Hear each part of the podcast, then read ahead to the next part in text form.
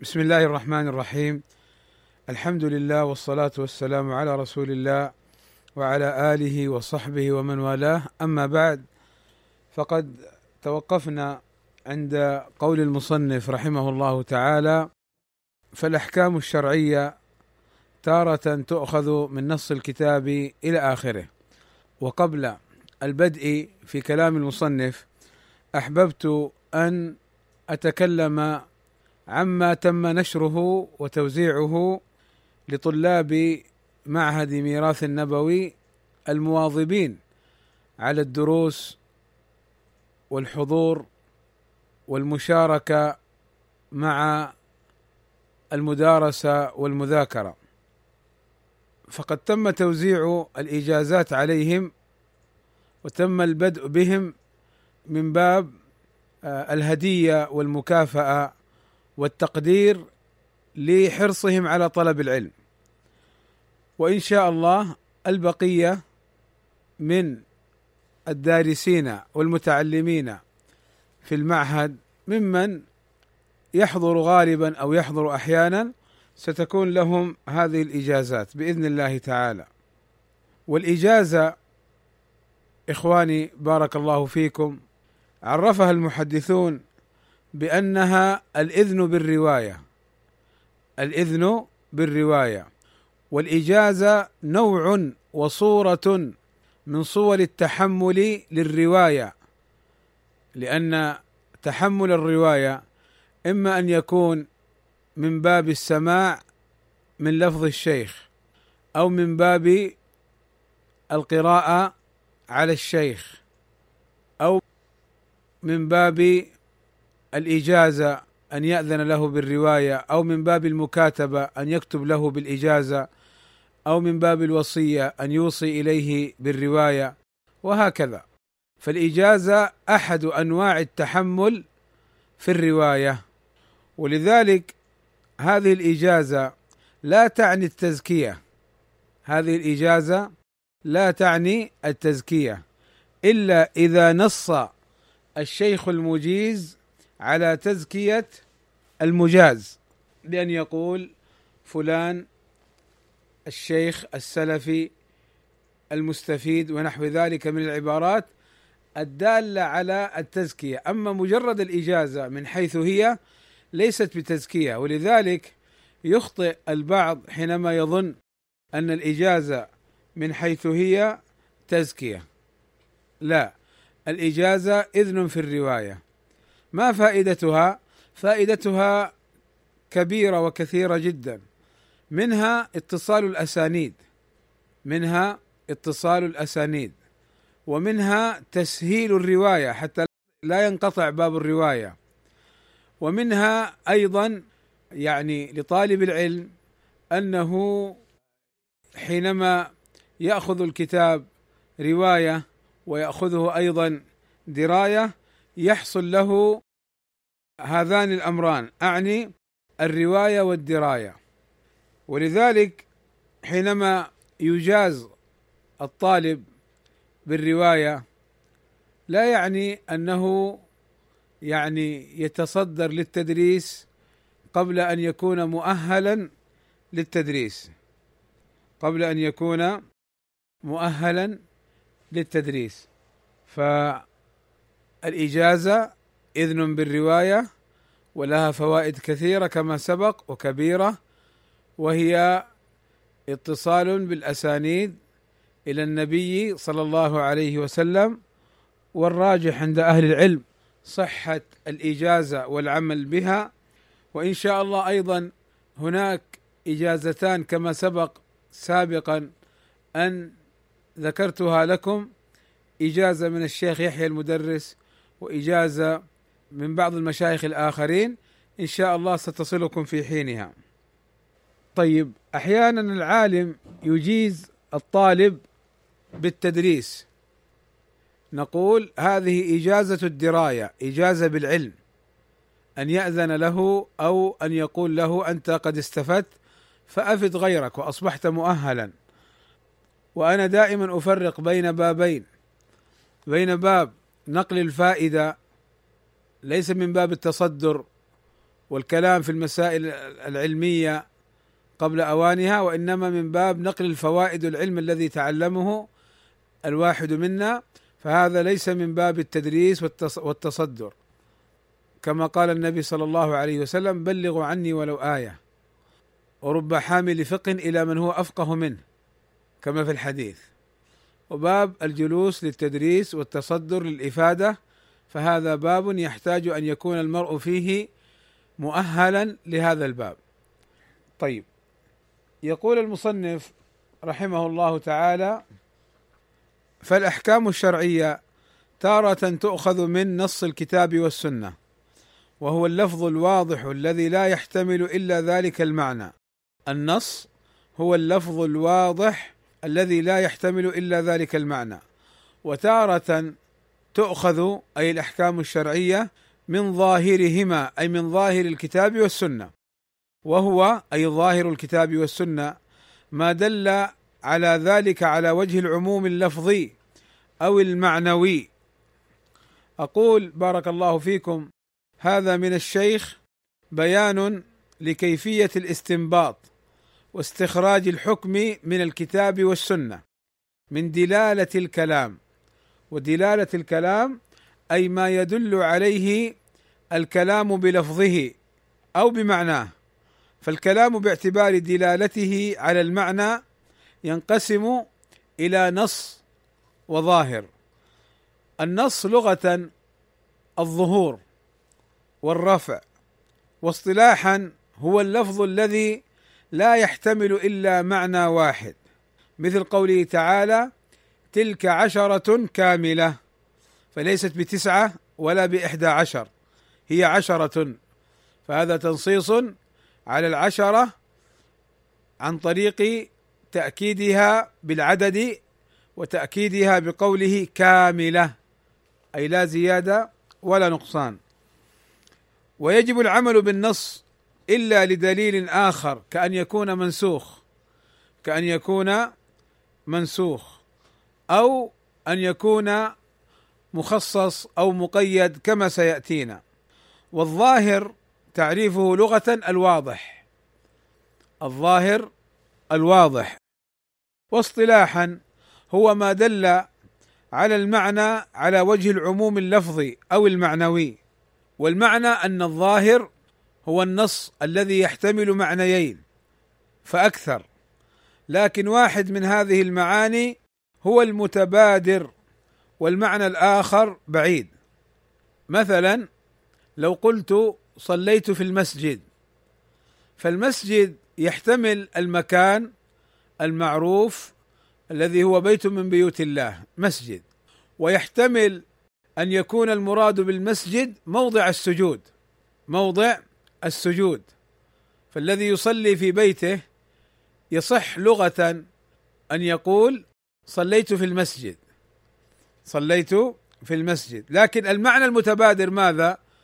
هو بيت من بيوت الله المكان المخصص. وسبب كون النص ظاهرا يعود للعموم لعموم اللفظ كالوضوء من لحم الإبل أو العموم المعنوي أي من جهة معناه. حيث يحتمل أكثر من معنى لا من جهة اللفظ ولكن من جهة المعنى.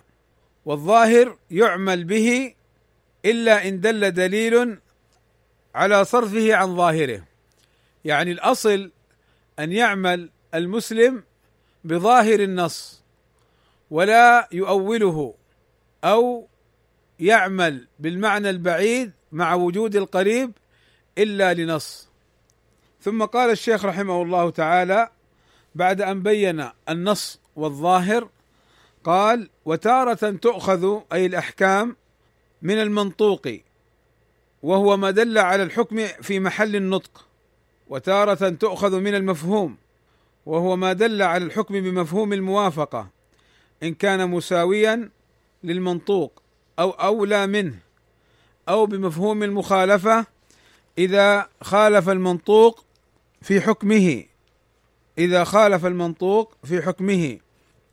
لكون المنطوق وصف بوصف أو شرط فيه شرط إذا تخلف ذلك الوصف أو الشرط تخلف الحكم. أقول الحكم الشرعي قد يؤخذ من منطوق الكلام أو من مفهومه. فالحكم الشرعي باعتبار استخراجه من الكلام إما من المنطوق يعني المراد بالمنطوق أي من النطق بالكلام من الكلام الذي نطق به المتكلم في ظاهر لفظه. فمثلا لما يقول إنسان يقول الأب لولده ذاكر دروسك. فمنطوق الكلام أن الأب يأمر ولده بالمذاكرة. من فين جبنا هذا الكلام؟ من المنطوق يعني من الكلام الذي نطق به أي تكلم به. فمعنى المنطوق أي الكلام المتكلم به. طيب لما الأب يقول لابنه ذاكر دروسك. ثم يجد ابنه يلعب. فيقول له يقول الأب لابنه ألم أقل لك لا تلعب؟ ألم أقل لك لا تلعب؟ هو ما قال له لا تلعب. هو قال له ذاكر دروسك. فمنطوق الكلام الأمر بالمذاكرة ويفهم من الأمر بالمذاكرة النهي عن اللعب وإضاعة الوقت. فيصح لغة أن الوالد أمر ولده بالمذاكرة ونهاه عن اللعب. أما الأمر بالمذاكرة فمن منطوق الكلام وأما النهي عن اللعب فمما يفهم من الكلام. ولذلك على سبيل المثال قوله صلى الله عليه وسلم الماء طهور لا ينجسه شيء. فمنطوق الكلام أن الأصل في الماء الطهارة ويفهم منه أن الماء أن الماء لا يتنجس لا يتنجس أو يتغير وصفه في الطهورية وإن جاءت عليه نجاسة أو خالطه شيء طاهر فهو باق على طهوريته. أما دلالة طهارة الماء فبالمنطوق. وأما دلالة أن الماء يبقى حكمه طاهرا مطهرا فبالمفهوم. من جهة أنه وإن خالطته نجاسة أو خالطه شيء آخر ما لم يتغير. من فين جبنا ما لم يتغير؟ لأن قول النبي صلى الله عليه وسلم الماء أي هذا السائل المتصف بكونه ماء. فإنه لو خالطه شيء مثل أوراق الشاهي فتغير طعمه أو لونه أو ريحه فلا يقال فيه ماء. وإنما يقال فيه مثلا شاي. أو خلطنا معه شيء من التوت فإنه يقال فيه مثلا توت أو عصير التوت فليس ماء حينها لا يتوضأ به. لا من جهة كونه أنه بمجرد المخالطة ولكن من جهة كونه تغير اسمه ووصفه عن المائية. فالأول دلالة منطوق والثاني دلالة مفهوم. فاذا القسم الأول المنطوق وهو ما دل على الحكم في محل النطق أي الكلام أي أن دلالته على الحكم من لفظه الظاهر كقوله تعالى وأحل الله البيع وحرم الربا فدلالته على تحريم الربا وحل البيع من لفظه ومنطوقه يعني من الكلام المتكلم به.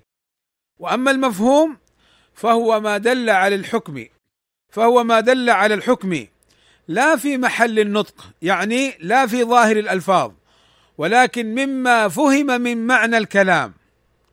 والمفهوم عند الأصوليين ينقسم إلى قسمين. القسم الأول مفهوم الموافقة والقسم الثاني مفهوم المخالفة. ومعنى مفهوم الموافقة أن يكون الحكم المسكوت عنه موافقا للحكم المنطوق به. فمثلا على سبيل المثال لما الله عز وجل قال في الوالدين فلا تقل لهما أف أي لا تقل لأبيك أو لأمك أف هذه الكلمة. طيب لو قلت مثلا بدل أف كلمة أخرى تعني التضجر. مثلا ها هي مساوية لكلمة اف طيب الضرب الله عز وجل نهانا عن أن نقول لهم اف لكن لم ينهنا عن ضربهما. نقول ضربهما حرام وفهم هذا التحريم من قوله تعالى فلا تقل لهما اف من جهة مفهوم الموافقة من جهة مفهوم الموافقة الأولى. فإذا نهانا الله عز وجل عن التأفف كان النهي عن الضرب من باب أولى. وهذا يسمى مفهوم. ومعنى كلمة مفهوم أي ما فهم من الكلام. ما يفهم من الكلام. وما يدل عليه الكلام في غير محل النطق في غير ظاهر لفظه. اذا مفهوم الموافقة أن يكون الحكم المسكوت عنه أولى بالحكم المذكور أو مساو له. ومفهوم الموافقة أعيد مرة أخرى مفهوم الموافقة أن يكون الحكم المسكوت عنه موافقا للحكم المنطوق به إما أن يكون أولى منه ويسمى مفهوم الموافقة. كتحريم الضرب الذي هو أولى من تحريم التأفيف. فإذا نهانا الله عن التأفف كان النهي عن الضرب من باب أولى بدلالة مفهوم الموافقة الأولوية. ومفهوم موافقة مساو فالله عز وجل حرم علينا أكل أموال الناس بالباطل. يعني لا يجوز أن نأخذها وأن نأكلها. طيب إتلافها أو إحراقها إحراق أموال الناس هو مساو لأكلها بالباطل.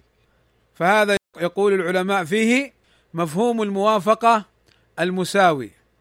وأما القسم الثاني مفهوم المخالفة عرفه الشيخ بقوله إذا خالف المنطوق في حكمه وسبب المخالفة بأن يخصص الحكم ببعض الأوصاف التي يفهم منها تعليق الحكم بها.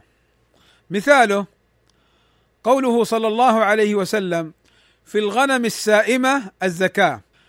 السائمة التي تأكل العشب وتأكل الزرع في الفلاه ولا يحتاج صاحب الغنم أن يشتري لها طعاما أو كذا وإنما ترعى في الأرض فتأكل العشب الذي في الأرض.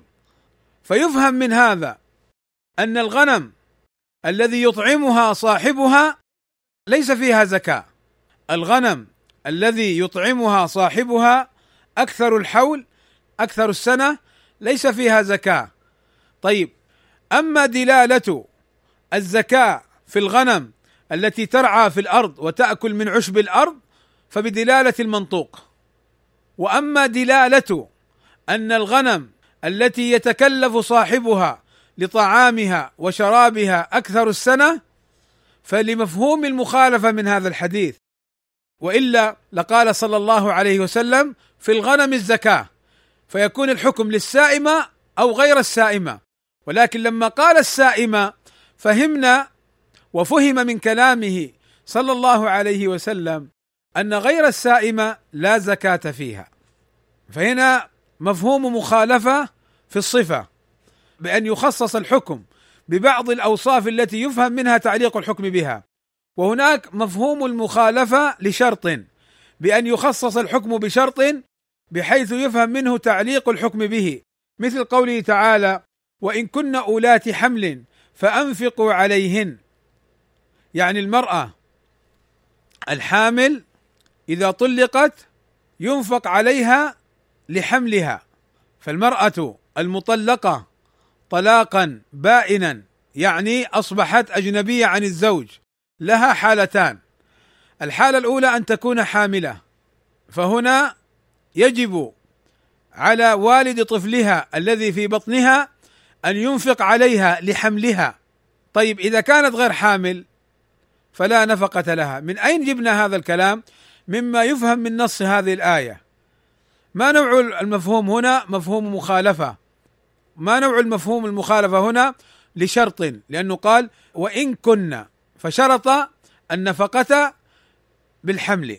والمفهوم إذا كان مفهوم مخالفة أو مفهوم موافقة فهو حجة عند أهل العلم. المفهوم إذا كان مفهوم موافقة أو مفهوم مخالفة حجة عند أهل العلم. انتبهوا هنا لابد أن أنبه على مسألتين. أما المسألة الأولى فإن قلت ما الدليل على أن مفهوم الموافقة أو المخالفة حجة؟ أقول إن الله عز وجل في كتابه وفيما أوحاه في سنة نبينا محمد صلى الله عليه وسلم إذا كلفنا وخاطبنا وكلمنا سبحانه وتعالى في كتابه أو أوحى إلى سنة نبينا محمد صلى الله عليه وسلم فإن الكلام له دلالته في ظاهر اللفظ ومنطوقه وأيضا فيما يفهم من مفهوم موافقة أو مفهوم مخالفة لأن الله عز وجل حكيم عليم يعلم بواطن الأمور كما يعلم ظواهرها. فهو حكيم خبير. فاللفظ له دلالته. طيب هل نجي نطبق هذا الكلام في كلام البشر؟ يعني مثلا لو واحد قال لك نم مبكرا فيمكن أن تفهم من كلامه تقول يعني تطردني تبغاني أمشي بدري فيقول لك لا والله ما قصدت. فيقول لا والله لم أقصد إنما قصدت النصيحة. أن النوم مبكرا فيه صحة للبدن ويعين على صلاة الفجر إلى آخره. فهنا إخواني يخطئ كثيرا من الناس حينما يلزم المتكلم بالمفهوم بمفهوم المخالفة. وشيخ الإسلام رحمه الله تعالى وغيره من أهل العلم بينوا أن هذه اللوازم غير لازمة لقائلها إلا إذا التزم بها. فلو قال له يعني تبغاني أمشي؟ يقول له نعم أريدك تمشي. فهنا التزم بالمفهوم. اذا يجب أن نفهم هذا الأمر. وكثير انتبهوا. وأنا أعني ما أقول.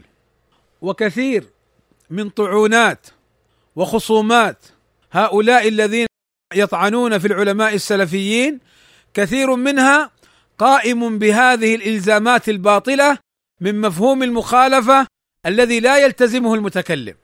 كثير. فيجي ويطعن في فلان. يقول مثلا انتبهوا انتبهوا الآن. شوفوا أنا أطبق لكم عمليا. وشوفوا القواعد العلمية التي يسير عليها أهل العلم. ثم يأتي هؤلاء ويقولون أنتم تأتون بقواعد جديدة. والله أنتم الجهال. أنتم المتعالمون الذين لا تفهموا كلام العلماء ولا تفهموا الدلالات حتى اللفظية ما تفهموها. هينتبه الآن. خذ على سبيل المثال أي شيخ من المشايخ الشيخ ربيع الشيخ عبيد أي شيخ من المشايخ لما تأتي وترد على مسألة أخطأ فيها يقول لك أنت تطعن في الشيخ. طيب هل الطعن الآن لما أجي أقول مثلا أخطأ الشيخ عبيد في قوله يحب النبي صلى الله عليه وسلم لذاته؟ أخطأ الشيخ عبيد في قوله يحب النبي صلى الله عليه وسلم لذاته. والصواب أن النبي صلى الله عليه وسلم يحب لأنه رسول الله ويحب في الله لا لذاته. عليه الصلاة والسلام. لأنه أخرجنا من الظلمات إلى النور ولأن الله يحبه فنحن نحبه إلى آخره. بارك الله فيكم. طيب الآن أنا رديت هذا الخطأ. الذي يقول لمن يرد الخطأ على أي شيخ من الشيوخ كالشيخ عبيد مثلا أنت تطعن في الشيخ عبيد هل هذا الكلام من منطوقي ولا مما فهم من كلامي مخالفة؟ مما فهم من كلامي مخالفة. وأنه دخل في نواياي وفي مقاصدي. مفهوم المخالفة يدخل في النوايا أيضا. في باب النوايا أنا ما نويت هذا. فلذلك تجدهم دائما يقولون هؤلاء يطعنون في الأكابر. تيجي تطالع تيجي تطالع ما في طعن في الأكابر ولا في الأصاغر من طلاب العلم السلفيين. يعني صغار السن. ما في طعن ابدا. هذا رد والرد مشروع في الكتاب والسنة وفي منهج السلف الصالح. فلا يلزم من الرد لا يلزم من الرد الطعن. بارك الله فيكم. فهذه المسألة من قائلها كائنا من كان. وإنما ينص مثلا على فلان أو فلان هو من باب ماذا؟ هو من باب هو من باب نسبة القول للقائل مع الرد. طيب الآن في عندنا قضية أخرى يخطئ فيها كثير من الناس. يخطئ فيها كثير من الناس. لما تأتي تقول له أخطأ فلان في هذه المسألة. يقول لك والشيخ الفلاني قال كذا والشيخ الفلاني قال كذا. هذا خطأ يا إخواني.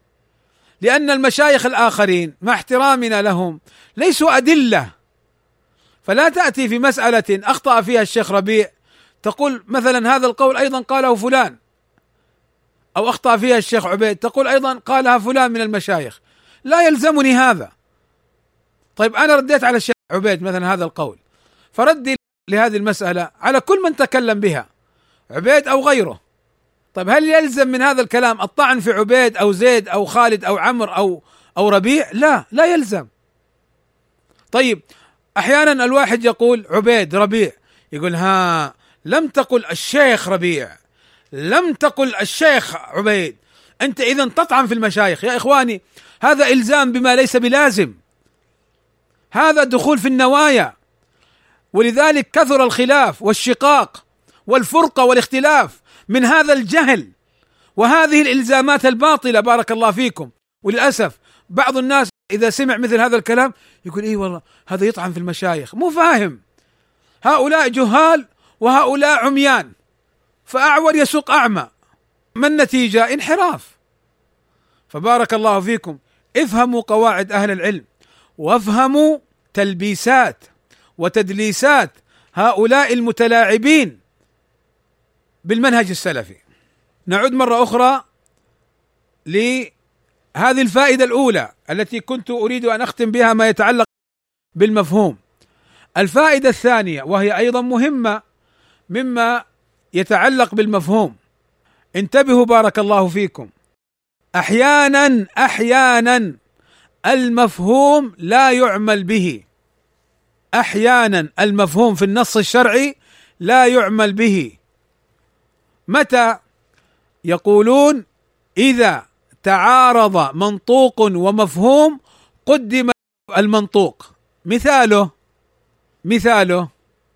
طيب مثاله قول النبي صلى الله عليه وسلم إن الماء طهور لا ينجسه شيء. فدل هذا الحديث بمنطوقه على طهارة الماء. طيب حديث آخر وهو قول النبي صلى الله عليه وسلم إذا بلغ الماء قلتين لم يحمل الخبث. دل بمفهوم المخالفة أن الماء لو كان أقل من قلتين وأصابته نجاسة تنجس. طيب هنا هذا المفهوم مفهوم المخالفة لا يعمل به. لماذا؟ لأنه عارض عموم قوله صلى الله عليه وسلم في منطوقه الماء طهور لا ينجسه شيء. فلم يعمل العلماء بهذا المفهوم. وأحيانا يكون المفهوم ليس من باب ليس من باب الاعتبار وإنما من باب يقولون الوصف الكاشف. كقوله تعالى لما ذكر المحرمات من النساء لما ذكر سبحانه وتعالى المحرمات من النساء فذكر منهن وربائبكم اللاتي في حجوركم من نسائكم اللاتي دخلتم بهن فإن لم تكونوا دخلتم بهن فلا جناح عليكم. يعني هذه المسألة ما معناها؟ من هي الربيبة؟ الربيبة هي بنت الزوجة من رجل آخر. يعني امرأة مطلقة وعندها بنت. فتزوجها تزوج هذه المرأة تزوج هذه الأم رجل آخر. والبنت هذه بنتها تربت عنده فيقال فيها ربيبة. طيب الله عز وجل حرم علينا أن نتزوج بنت الزوجة. طيب هل وصفها بكونها ربيبة في قوله وربائبكم اللاتي في حجوركم في كونها ربيبة في الحجر يعني تربت في بيتك في حجوركم يعني في بيتكم في حجركم هل وصفها بذلك يعني أو يفهم منه مفهوم مخالفة أنني إذا تزوجت امرأة وابنتها عاشت عند والدها ليست عندي. فلم تتربى في حجري. هل يجوز لي أن أتزوجها؟ الجواب لا لأن قوله سبحانه وتعالى وربائبكم اللاتي في حجوركم لا مفهوم مخالفة له. يقولون وصف كاشف أي في الغالب أن بنت الزوجة تعيش مع أمها في الغالب. طيب فين الوصف الذي يفهم منه المخالفة؟ هو الشرط في قوله من نسائكم اللاتي دخلتم بهن فإن لم تكونوا دخلتم بهن. شوف هنا نص وأيضا ذكر مفهوم المخالفة أيضا نصا فإن لم تكونوا دخلتم بهن فعلق الحكم فعلق الحكم يعني على الدخول بالزوجة أو عدم الدخول. فإن دخل بالأم حرمت البنت وإن لم يدخل بالأم لم تحرم البنت. فإذا بارك الله فيكم لابد من التنبه لهذا لأننا قد نجد أن بعض العلماء يقولون هنا المفهوم لا يعمل به. نقول لا يعمل به إذا عارض منطوق حديث آخر أو كان المفهوم من باب الوصف الكاشف. ولذلك القصر في السفر وإن جاء في حالة الخوف فالخوف ليس قيدا للقصر. وإنما يعني ليس شرطا للقصر وإنما الخوف يعني وصف كاشف لحالتهم في تلك الفترة. ثم قال الشيخ رحمه الله تعالى والدلالة من الكتاب والسنة ثلاثة أقسام. دلالة مطابقة إذا طبقنا اللفظ على جميع المعنى. ودلالة تضمن إذا استدللنا باللفظ على جزء معناه. يعني مو معناه الكلي إنما جزء منه. سأطبق هذا. ودلالة التزام إذا استدللنا بلفظ الكتاب والسنة ومعناهما على توابع ذلك ومتمماته وشروطه وما لا يتم ذلك المحكوم فيه أو المخبر عنه إلا به. أقول بارك الله فيكم الدلالة لغة يجوز أن تقول دلالة ودلالة. قالوا والفتح أحسن. دلالة. قال وهي الدليل ما يلزم من العلم به ما يلزم من العلم به العلم بشيء آخر. والدلالة نوعان لفظية وغير لفظية. والمراد بها ها هنا الدلالة اللفظية الوضعية يعني التي تعارف الناس على استعمال الكلام في هذه المعاني. طيب ما الدلالة غير اللفظية؟ الدلالة غير اللفظية مثل الإشارات. لما تكون عند ماشي في الطريق وتجد الإشارة خضراء معناه أمشي. هل أحد قال لك أمشي؟ لا ولكن دلالة اللون الأخضر على أن الطريق مفتوح ودلالة اللون الأصفر على أن تمهل. ودلالة اللون الأحمر في الإشارة على أن قف. إذا كنت ماشي ووجدت تريد أن تذهب في طريق وقيل لك مثلا الطريق الفلاني ووضع سهم على طول فمعناه أنك من هذا الطريق ومن هذه الجهة هو الطريق الذي تريده. هذه دلالة غير لفظية. لما واحد يقول لك فطرت أو تعشيت أو تغديت فقلت فحركت برأسك النعم من الأعلى إلى الأسفل. أو أن قلت لا إلى اليسار واليمين من غير أن تتكلم. هذه دلالة غير لفظية. وأما الدلالة اللفظية الوضعية ما معنى الدلالة الوضعية؟ يعني في تخاطب الناس في كلامهم. اتفقوا على أن الكتاب يطلق على كذا وعلى أن الكرسي يطلق على كذا وعلى أن التراب يطلق على كذا. هذه دلالة وضعية. يعني اصطلح عليها لغة. فالوضع تعيين أمر للدلالة على أمر آخر كالنهي على التحريم والأمر للوجوب وهكذا. فدلالة المطابقة هي دلالة اللفظ على تمام ما وضع له من المعنى وسميت بذلك لتطابق اللفظ للمعنى الموضوع له كدلالة كلمة الإنسان على الحيوان الناطق. الإنسان حيوان ومعنى حيوان هنا ليس المراد به البهيمة وإنما من الحياة وإن الدار الآخرة لهي الحيوان أي الحياة الحقيقية. فالإنسان حي ناطق حيوان بمعنى حي ناطق أي متكلم وسمي ناطقا للفرق بينه وبين المخلوقات الأخرى من البهائم فإن البهائم لا تتكلم. ومعنى ذلك بدلالة المطابقة أن الإنسان هو الحيوان الناطق هو الحي الناطق. وأما دلالة التضمن فهي دلالة اللفظ على جزء معناه. في ضمن كله مثلا على سبيل المثال علم زيد فالعلم جزء من زيد. انتفعت من الشيخ زيد بعلمه. هذه دلالة تضمن فزيد عالم وشاعر وخطيب إلى آخره. فمن أجزاء زيد العلم مثلا وسميت دلالته فسميت دلالة التضمن لأن الجزء في ضمن الكل لأن الجزء في ضمن الكل. وأما دلالة الالتزام هي دلالة اللفظ على معنى خرج عن مسماه لازم له لزوما ذهنيا بحيث يلزم من فهم المعنى المطابق فهم ذلك الخارج اللازم كدلالة العمى على البصر ودلالة كلمة إنسان على الحركة والسير.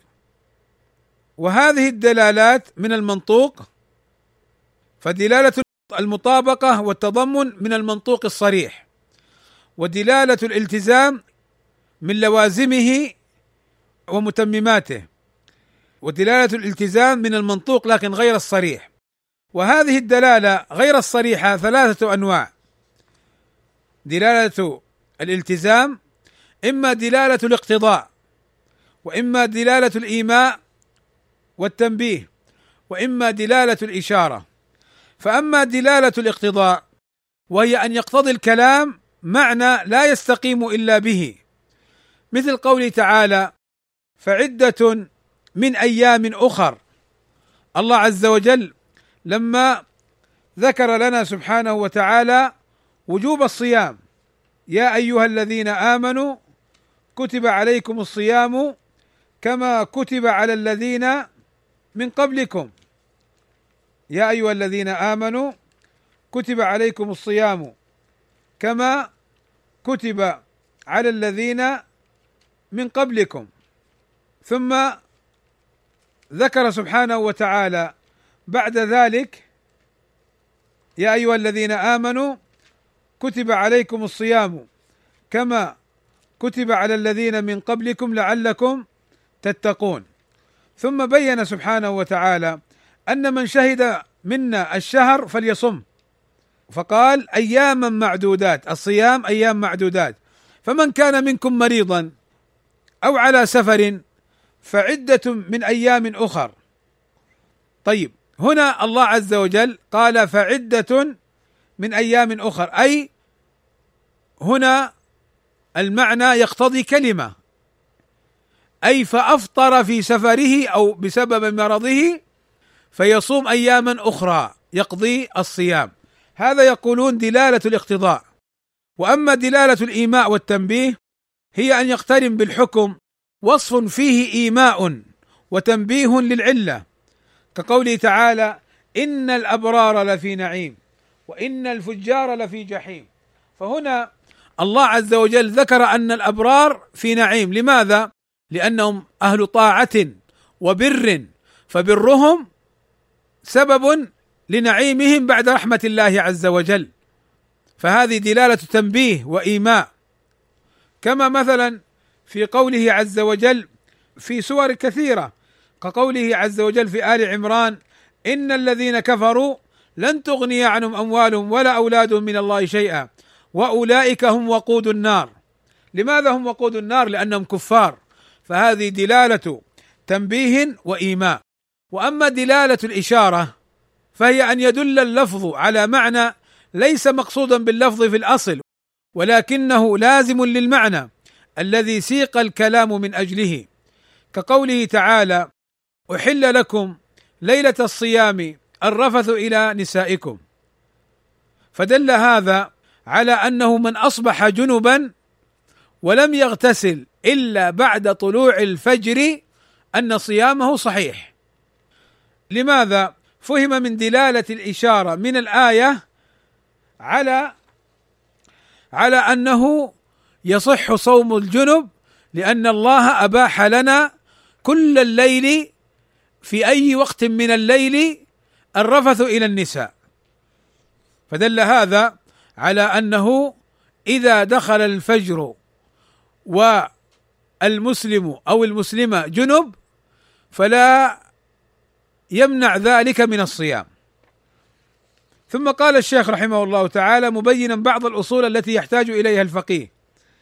قال الأصل في أوامر الكتاب والسنة أنها للوجوب إلا إذا دل الدليل على الاستحباب أو الإباحة والأصل في النواهي أنها للتحريم إلا إذا دل الدليل على الكراهة. أقول هذا أصل عظيم وأصول مهمة يحتاج إليها المتفقه في الكتاب والسنة وآثار سلف الأمة فمنها قاعدة أن الأصل أي القاعدة المستمرة في أوامر الكتاب والسنة أنها للوجوب تفيد الوجوب ولا يجوز صرفها للاستحباب أو الإباحة إلا بدليل يدل عليه. وصاحب الأصل لا يطالب بالدليل ولكن الناقل عن هذا الأصل هو الذي يطالب بالدليل. فالذي يقول هذا الأمر يفيد الوجوب لا يقال له ما الدليل على الوجوب؟ نقول الأمر دليل. وهذا هو الأصل.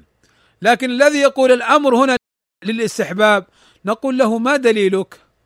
وهذه قاعدة مهمة سأذكرها لكم أو سأذكر لكم ما يتعلق بها بعد الانتهاء من هذه القضية.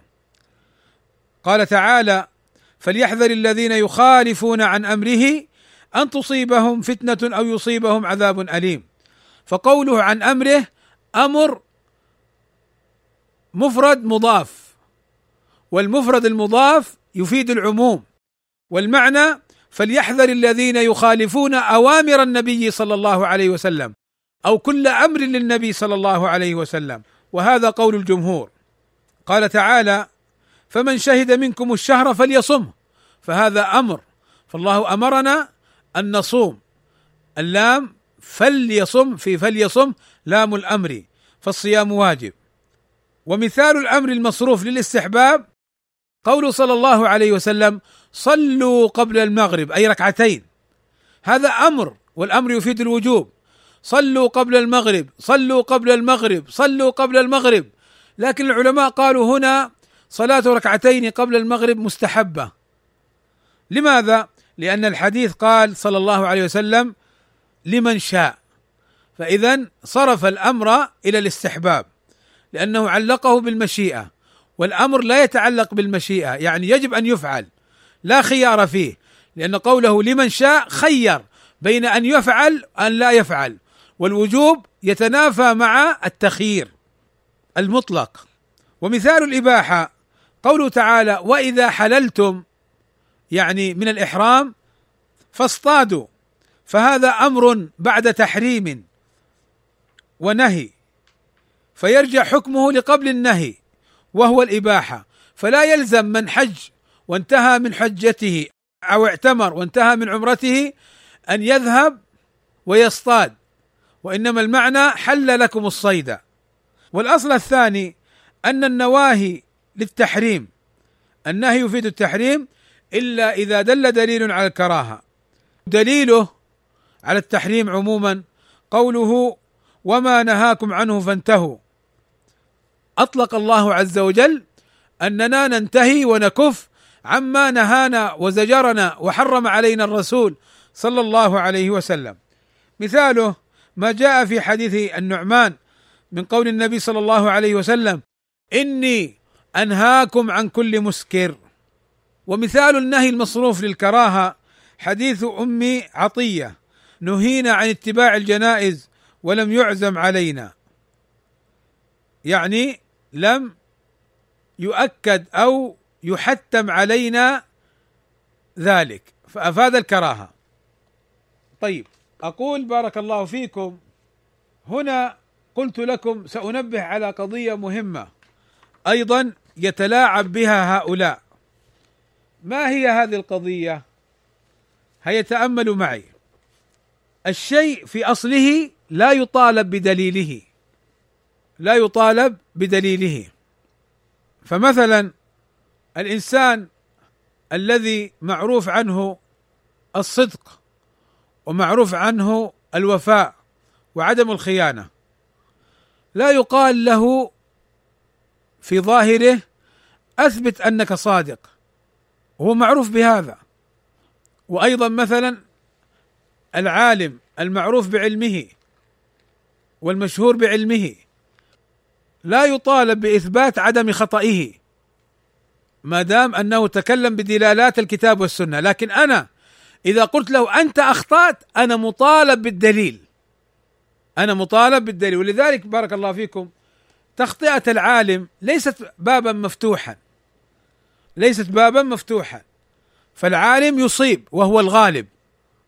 إذا كان عالما فإن خطأناه لا بد من الدليل. وأيضا لا ينسب لساكت قول. أقول كثير من هؤلاء الذين يتلاعبون بالمنهج السلفي يتلاعبون بهذه القاعدة. فتجدهم يضللون السلفيين ويطعنون فيهم ثم يقولون يلا خليه يثبت أنه خلاف ذلك. لا أنت المطالب بأن تثبت قولك عليه. لا هو الذي يطالب بإثبات خلاف ذلك. فمثلا لو جاءني إنسان وقال لي أنت تطعن في فلان يا أخي أنا إنسان طالب علم أو إنسان عالم أنا إنسان مسلم ما طعنت في أحد. ما تجي تقول لي يلا أثبت أنك ما طعنت فيه. لا أنت المطالب بأن تثبت علي أنني طعنت فيه. ما تأتي وتقول للإنسان يلا تب تب وأعلن توبتك. طيب يعلن توبته من إيش؟ أنت مذنب وأنت مخالف. طيب أثبت عليه المخالفة. فما تأتي وتطالبه بالدليل أنت المطالب بالدليل. ولذلك إخواني بارك الله فيكم من أقوى الأدلة أو من أفضل الحجج في مصارعة ومقارعة هؤلاء الناس والرد عليهم أن تقول له ما دليلك على قولك. فقط قل له ما دليلك على قولك. وتراه يهرب كالضباع. الدليل كالأسد. قوي. قل له ما الدليل؟ طالبه بالدليل. إذا قلت فلان عنده أخطاء طيب جميل. أعطيني الدليل. أما أن يقول الدليل عند العلماء لسنا روافض ولسنا صوفية عندنا أشياء عند العالم لا يعرفها العامة. الحمد لله نحن أهل وضوح وأهل ظهور. ظاهرين على الحق لا يضرهم من خالفهم ولا من خذلهم. ما عندنا خفاء. أخطأت أخطأت في كذا وكذا وكذا. من يوم ما يقول لك عنده أخطاء بعدين تعرفها. عنده أخطاء عند العلماء فهو إما كاذب ما عنده أخطاء وإما عجز عن إيراد الدليل. ولذلك سبق أن نبهنا على هذا. بارك الله فيكم. وهذا الدرس الآن الذي نتدارسه الآن يدلنا على هذا الأمر. أعني المطالبة بالدليل وأن الأصل أن هذا الطرف لا يطالب بالدليل. يعني لو جاني إنسان وقال لي يعني أنا أذكر شخص من طلبة العلم جاءني ثم قال لي يا فلان أنت تطعن فيه فاتق الله. ويعني ويلزمك أن تزكيني كما طعنت في. قلت يا أخي الله يحفظك أنا معك أو أمامك. اذهب وأتني بصوت لي أو بأي شاهد علي يقول أنني طعنت فيك. أنا لا أذكر ولا أعرف أني طعنت فيك فأنت الآن مطالب بأن تثبت أنني طعنت فيك. ولست أنا مطالب بأن أزكيك. لو أنا أثنيت عليك هذا باب زائد قدر زائد لكن ليس لازما. وإذا ما زكيت أنت تطعن. لا هذا خطأ يا إخواني. هذا خطأ ومنهج منحرف للأسف. يعني أصل ويعني انتشر بين الشباب السلفي تاصيلا من هؤلاء ليمرروا قواعدهم ومنهجهم الباطل. فلا أطالب بالدليل آخر. وأنا أظن نعم أنا أذكر أنني ذكرت لكم مرة أن أحد الإخوة جزاه الله خيرا مرة كلمني وقال لي أنت بازمول؟ قلت نعم أنا بازمول. فقال لي يا أخي اتق الله وتب وارجع إلى الحق واذهب إلى العلماء ويعني أعلن التوبة عندهم. واترك الباطل الذي أنت عليه. قلت يا أخي جزاك الله خير أنا معك. بين لي أخطائي والباطل الذي وقعت فيه وأنا لا أحتاج أن أروح للشيخ حتى أتوب عليه. لسنا صوفية. أنا ما أحتاج أروح للشيخ وأتوب عنده. المنهج السلفي إذا أخطأت أعلن أنني أخطأت وأتراجع عن خطئي. إلا الذين تابوا وأصلحوا وبينوا. ما قال راح عند المشايخ الأكابر. ولا قال المشايخ الأكابر قبلوا توبتهم. الله الذي يقبل التوبة. فإذا بينت لي يا أخي بارك الله فيك أني أخطأت فاولا أنا أشكرك على بيانك لخطئي وأسأل الله أن يغفر لي. ولكن أين خطئي؟ وأين انحرافي؟ فعندك يا أخي ما شئت من الوقت اذهب وأتني بأخطائي. الذي يقول بازمول انحرف الذي يقول بازمول قاعد قواعد جديدة الذي يقول أنت يا بازمول فرقت السلفيين نقول له أثبت أثبت. الكلام عندنا عند أهل مكة نقول الكلام بلاش. يعني ما معنى بلاش؟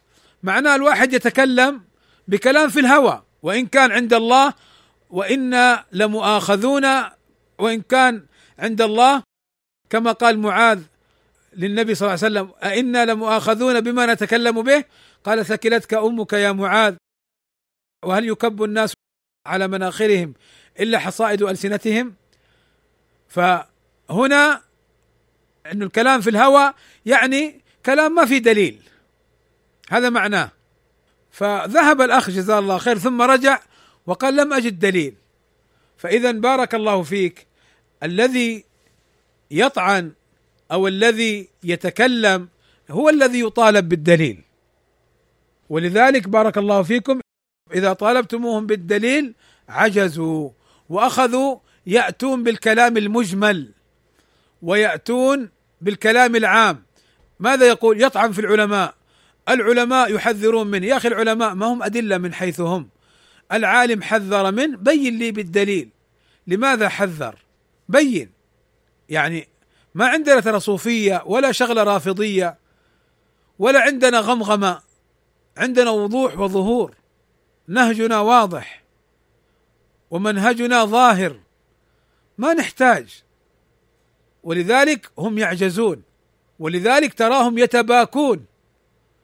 ولذلك تراهم يتباكون ويبكون إذا طالبتهم بالدليل. يا أخي أنت لا تسمع بكلام العلماء حتى أنت تطعن في العلماء. يا أخي ما اطعن في العلماء. ائتني بالدليل. أقول بارك الله فيكم أكتفي بهذا القدر وصلى الله وسلم على نبينا محمد وعلى آله وصحبه وسلم أجمعين والحمد لله رب العالمين.